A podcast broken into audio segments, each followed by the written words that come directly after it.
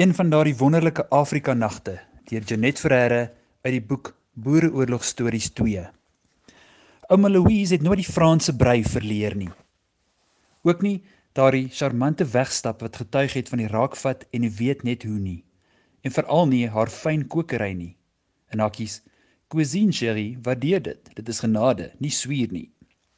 Sy was 'n nooi Duval uit 'n familie welgestelde Brusselse fabriekseienaars intertyd bekend vir haar barmhartigheidswerk onder die Belgiese fabriekswerkers. Tydens die oorlog van 1899 tot 1902 is sy en oupa in die laar getroud voor die doomnuus wat die westelike kommandos vergesel het. Die plegtigheid is tussen twee veldslae, 'n kampvuur en 'n afgeleefde wa voltrek. Aldus was daar vir my as kleinkind nooit die gebruikelike wyl en verdroogde kraans om trou trou mee te speel nie. In hakkies 'n bruidstabbert is bykomend, Cherie. Daar is dinge wat van dieper waarde spreek. Baie later, toe my tyd van trou trou speel verby was, het sy my aangepresenteer met iets wat vir die verbeerde wyl en kraans moes vergoed. 'n Leergebinde boekie wat sy uit 'n bære laadjie opgediep het. En hakkies: "Jy het my naam en my natuur, Cherie, en dis veel te leer. Hier is my oorlogsdagboek." Wat ek met 'n bepaalde pligsgevoel opgeneem het, synde oorlogstories op daardie stadium van my lewe, nie besonderlik bevatlike leesstof uitgemaak het nie. Maar die grootste deel van die dagboek was skoon. Dit sou nie lank neem om die beskrewe gedeelte te lees nie. Niks meer as 20 bladsye nie, het ek bereken. Die eerste inskrywings het vermeld dat die Belgiese ambulans vroeg in die jaar 1900 aan boord van De Hertzog onder die rooi kruisvlag vanuit die Antwerpse hawe na Delagoa Bay vertrek het. Vanaf Delagoa Bay is die reis per trein voortgesit. Van daar af met 'n brik en 'n 6 span muile na die front. Hoe dit gebeur het dat sy na die slag van Spioenkop van die res van die Belgiese ambulans geskei is, is nie uit die dagboek duidelik nie. Nadat sy haar teen Februarie 1901 in 'n verlate houtkerkie onder 'n paar bloekoms bevind het, wat die boere in 'n raas as 'n soort veldhospitaal ingerig het. Dis daar by die mankolieke preekstoel dat sy haar dagboek voortgesit het. Haar slaapkamer is 'n matras in die konsistorie waar 'n ou Sotho-leraar waarskynlik voor die oorlog verleiding gekniel het voor hy sy verharde gemeente tegemoet gegaan het. Insgelyks het Suster Louise Duval beproewende ure in die plek van aanbidding deurgemaak. Op 24 Februarie is voedselvoorrade onder haar bevel al so gevaarlik kort dat die daaglikse maal op koffie, droë brood en die laaste blikkies boeliebeef neerkom van melk vir die tifus pasiënte wat op matrasse voor die preekstoel lê, is daar nie sprake nie. Die ordonnans wat daar met die brik en 'n span myle tot hier gebring het, het sedertdien soos 'n groot speld verdwyn. In daardie omstandighede wens sy haar te voet na die boerelaar wat vroegoggend oor kan die drif verrys het. Dit is ver en warm. In die laar trek die burgers hulle skouers op en wys na die veldkornet. Die loop krities aan die tentlyne en waawiele en skop en onderneem om met die kommissariaat in verbinding te probeer tree. Op Suster Duval se navraag wanneer sy voorrade van hierdie hopelose goevermentsorganisasie kan verwag, wil hy van haar weet hoekom die uitlanders met 'n skip skip afgesig het afgesit het hiernatoe as hulle geweet het hulle sal op die boere aangewese wees. Oorigens laat hy hom nie aansê nie, maar hier is 'n perdekar om haar terug te neem na die kerkie toe. Die briesende vrou wys dit van die hand en draai op haar hakke om. Inmiddels styg die son in bloedige ongenade. Dit is hoogdag voor sy weer die kerkie bereik, waar ou Esbag ontevrede van haar wil weet wanneer melk en behoorlike vleis dan aankom. Vra u kommissariaat, meneer Esbag. Suster, ek sê nou weer, hierdie gemeneer van jou staan ons mense nie aan nie. Al gaan noem mekaar op die naam. Ek nie, meneer Esbag. Hy befrons haar toe sy die blikbeker in die bord langs sy kombers neersit, sonder dat hy dankie sê. Kommandant Ben Reitz knik wel dankie toe sy beurt kom. Maar hom vermy sy sover dit moontlik is. Aldeur kry sy die ongemaklike gevoel dat die man se helder blik haar agtervolg, waar sy haar ook al in die beknopte gebou bevind. Agter die preekstoel trek sy verwoed haar skryfgoed nader. Vir 'n ruk is daar net die gekrap van die gaansveerpen en die gezoem van vliee teen die ruitte. Sy het lankal die stryd teen die vliee en die hitte gewonne gegee. As die vensters toe is om die peste buite te hou, kan sy nog die gemor vanaf die matrasse, nog die stygende hitte in die bedompige gebou, gebou hanteer. Wat 'n misdeelde lands, wat 'n misdeelde landstreek Wat 'n woesterny waar die mense en die land in ruheid met mekaar meeding. Ou Esbach hervat sy vertelling wat blykbaar deur haar terugkoms onderbreek is. En net toe ek so uit die laagtetjie aangery kom, sien ek die kakie offisier waar hy van sy perd se rug af op sy kakie sit en skrou. Fix bayonets. Toe klits ek hulle daar af nog voor hy kon fire skrou, so dood soos 'n mossie. Luide gelag van uit die matrasgeleedere. Die gaansveerpen word stil. Hou op lag. Daardie soldate is ook mense. Het julle nie menslikheid in julle nie? Hulle wil ons land vat, suster. Een ding kan ek wel sê, meneer Barends. Hulle weet wat dankbaarheid is. Daar was gewonde Britse gevangenes wat op die laaste stasie voor die front vir die ambulanstrein gewag het om hulle in Pretoria te gaan aflewer. Nie net hulle offisier nie, maar ieder een van daardie arme mans was oorstelp van dankbaarheid vir die geringste wat ek aan hulle bewys het. Ek dink jy is hier om die boere te verpleeg, suster, kap ou Espag ergerlik te. U dag verkeerd. Ek is hier vir almal wat my nodig het en wat my soos 'n verpleegsuster en nie soos 'n diensmeisie behandel nie. Ons boere mense het 'n ander manier. Ons loop nie met die hart op die mou nie, suster. Daar bly iets soos erkenklikheid. Daar is dit weer, die effense vernouing van kommandant Benryds se fletsblou oë en die stip blik op haar. Sy sluk en skryf. Sy soort is erger as die ander. Die dommes kan sy nog in toom hou, maar die halfgeleerdes is eenvoudig onmoontlik. Dalk 'n onderwyser. Sy taal, die die kere wat hy praat is iets wat vir iets wat verfynder as die res. Sy toon bedaarder. Dis hulle wat die brutaalste kan raak. Kort voor skemer begin die Engelse kanonvuur vanuit die suide bulder. Oor kan die drif antwoord die boere se maxims vir 'n ruk geesdriftig. Toe word die kanonne stil en die gedonder van perdehoewe raak al hoe verder in die nagdonkerte weg. Op die oggend van 25 Februarie is die veld oor kan die drif kaal, buite die perde en beeskarkasse wat gesaai lê. Die voorvlugtige veldkornet en sy manskappe het die kerkie vol siekes en gewondes aan die astrante Belgiese verpleegsters se genade oorgelaat. Hulle is fort, bevestig Barends oorbodig. Wat nou, Ben?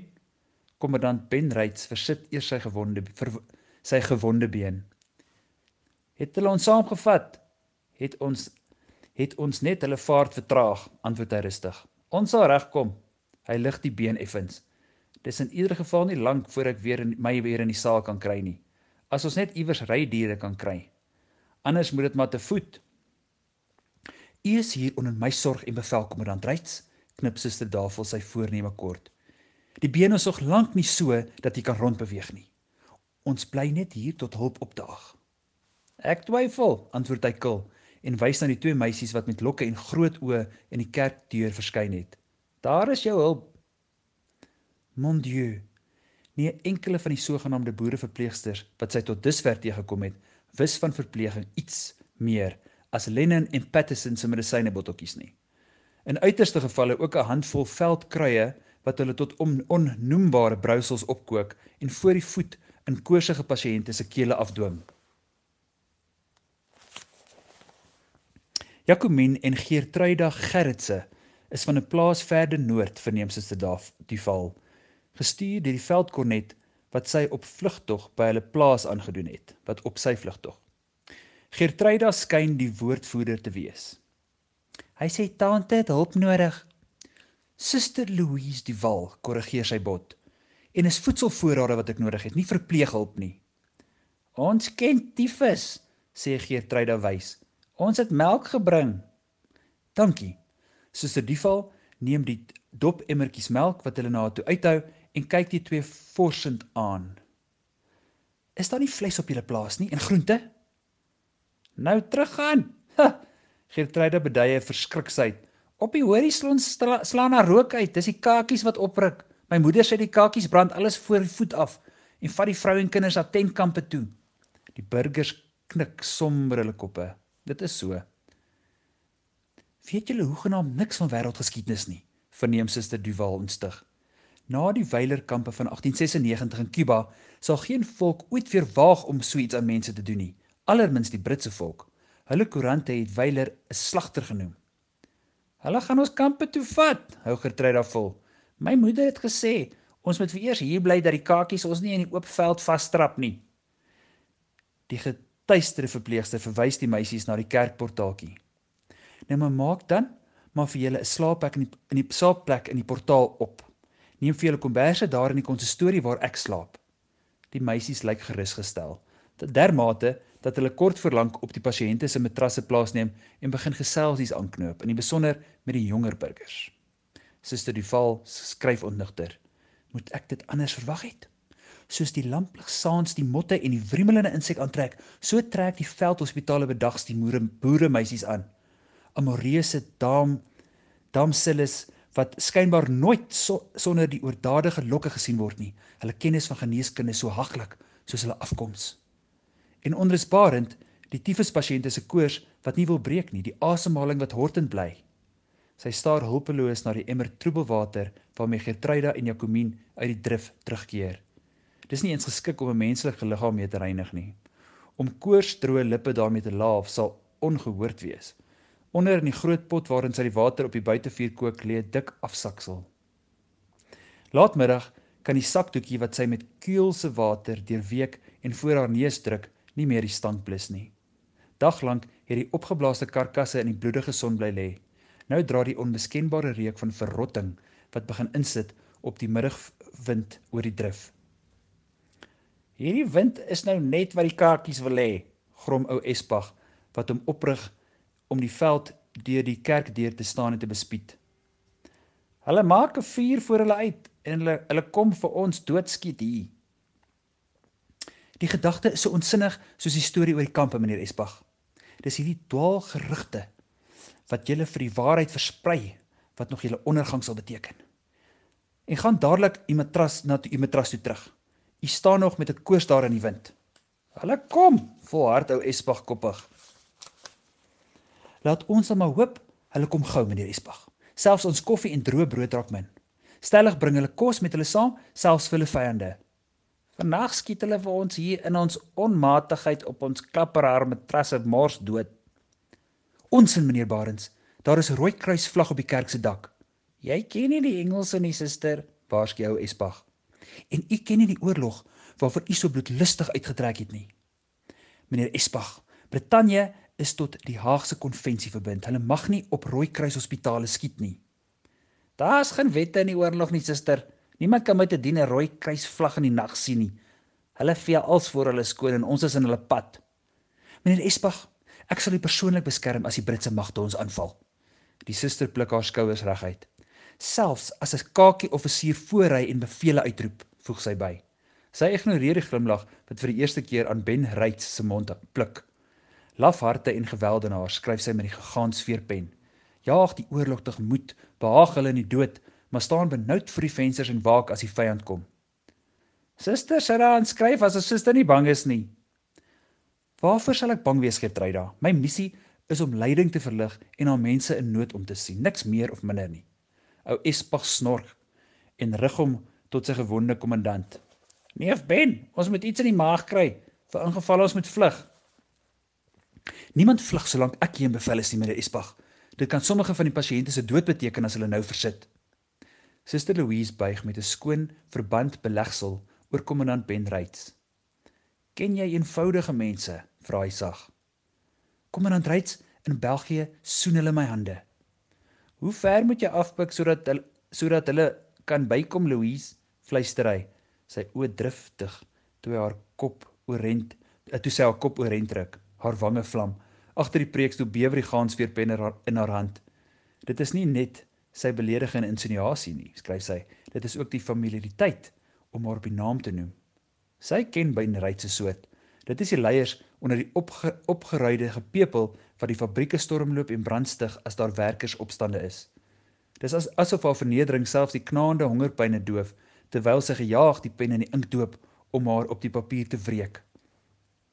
Oom is reg, sê Benryd. Ons moet vleis kry. Hy stoor die laken met een haal van hom af weg en hy som op die gesonde been teen die venster op. Suster Louise is blitsig langs hom. Kom aan Ryds, u mag nie beweeg nie. Hy skud haar hand af voor hy deur toe begin hink. Kom oom, jy ook Barends, ons gaan haal een van die karkasse oor kan die drif. Ons kan die beste dele uitsny. Eberhard, krap jy so lank vir ons die kool uit die vuur, daar onder die pot. Om hemelsnaam. Ek het nog van die sjokolade wat ek uit Brussel saamgebring het. Ek wou dit vir laaste hou want is min, maar dit gee krag. Dit gee krag. Ure later toe die geur van gebraaide vleis in die skemer die dooie reuk begin verdryf, merk sy deur die venster dat Gertruida en Jacomien ook meedoen. Nou moet ons die vuur doodmaak, anders lei ons die kakies reguit hiernatoe as die donker kom, hoor sy Ben Reits bevele gee. Sy vlug kop onderste bo konsistorie toe. In die plek van die hongerpyne waarteen sy haar dag lank verset het, het duiseligheid gekom. Die sjokolade smelt bitter op haar tong. Die kos geur tuister haar. Sy moet veg teen die speeksel wat in haar droommond begin opdam en die slaap ontwyk haar. Al is dit nie in die nag sigbaar nie, weet sy, buite onder die sterlig lê die grynsende karkasse. Sy voel met brandende oë na die lamp en die vuurhoutjies langs haar matras. In die broeiende nag sit sy met die dagboek op haar knie en skryf. Ons laat dierlike drifte is verradderlik. Toe die kanonne onverwags begin bulder, gooi sy haar verpleegster mantel oor haar ehm um, oor haar en bly met die dagboek teen haar bors gedruk voor die venster staan. Uit die suide spoeg die nag vuur. Die konsistorieplanke sidder onder haar voete voor die dag 'n dakbalke iewers agter haar ineenstort en die konsistorie deur oopbars. Ben Reits klap die lamp van die seepkussie voor haar bed af en vermorsel die vlam met sy hak, of skus onder sy hak. Hy gryp haar aan die arm en duw haar voor hom uit deur die verstikkende stofwalm en die duisternis. Toe die derde kanonskoot val, versteen sy. In die vlamme wat boontoe begin lek, herken sy die vasberade gesigte van diegene diegene wat onder haar sorg was. Die wat kan loop, het hulle minder weerbare makkers op die skouers gegooi. "Kom Louise, my pasiënte en Gertrude aan jou komien. Hulle kan vir hulle self sorg, Louise. Waarvoor sien jy hulle aan? Adel." Toe sy nog huiwer, tel hy haar op en styr met haar die donkerte in. Haar mantel haar kemies en haar hare fladderend in die nagwind. Vanuit die rotsskuiling wat hulle kort voor dagbreek bereik, sien Louise die oprukkende Britse magte in die verwoeste laagte verbytrek. Sy laaf ben met die water wat sy uit die syferstroompie in haar bakhande aandra. Sy verbind sy wond met stroke kant wat sy van haar chemise afskeer. Tydens die nagtelike vlug moet daar opnuut kwaad in die wond gekom het want die koue koors begin in vlae deur hom jaag. Sy verlaat die skuilings net om die veldmedisyne wat Ben aan haar beskryf te gaan soek. Die wilde als teen pyn, die gifpil teen inflammasie. In die hete nagte vra hy eilend vir kombers en hy prewel haar naam oor en oor. Sy slaan redder, reddeloos haar arms om hom om die koors te besweer. Met haar kop op sy bors lê sy angstig na sy hartklop en luister. Dit is daarvoor die koors breek. Sy maak arms vol van die persrooi veldbessies bymekaar en voer hom daarmee dat hy sy kragte kan herwin. Sy soen die hande wat hy op haar gesig vou. Toe hy regop beur, lig sy haar kop en sy proe die soet van veldbessies aan sy mond. Die laaste inskrywing in haar dagboek berig dat die stofwolk wat hulle vandag in die weste opmerk het, opgemerk het, 'n teken is dat die boerekommandos in aantog is. Voor die rotsoorhang gloei vannag der duisende sterre. Niemand kan voorspel wanneer vrede gesluit sal word nie. In die nag heers 'n stilte wat alles deurbreek en die mensdom omvat. Dit is een van daardie wonderlike Afrika nagte. Outeursnota: Aspekte van hierdie verhaal is ontleen aan Alice Bron, Diary of a Nurse in South Africa, London, Chapman and Hall, 1901.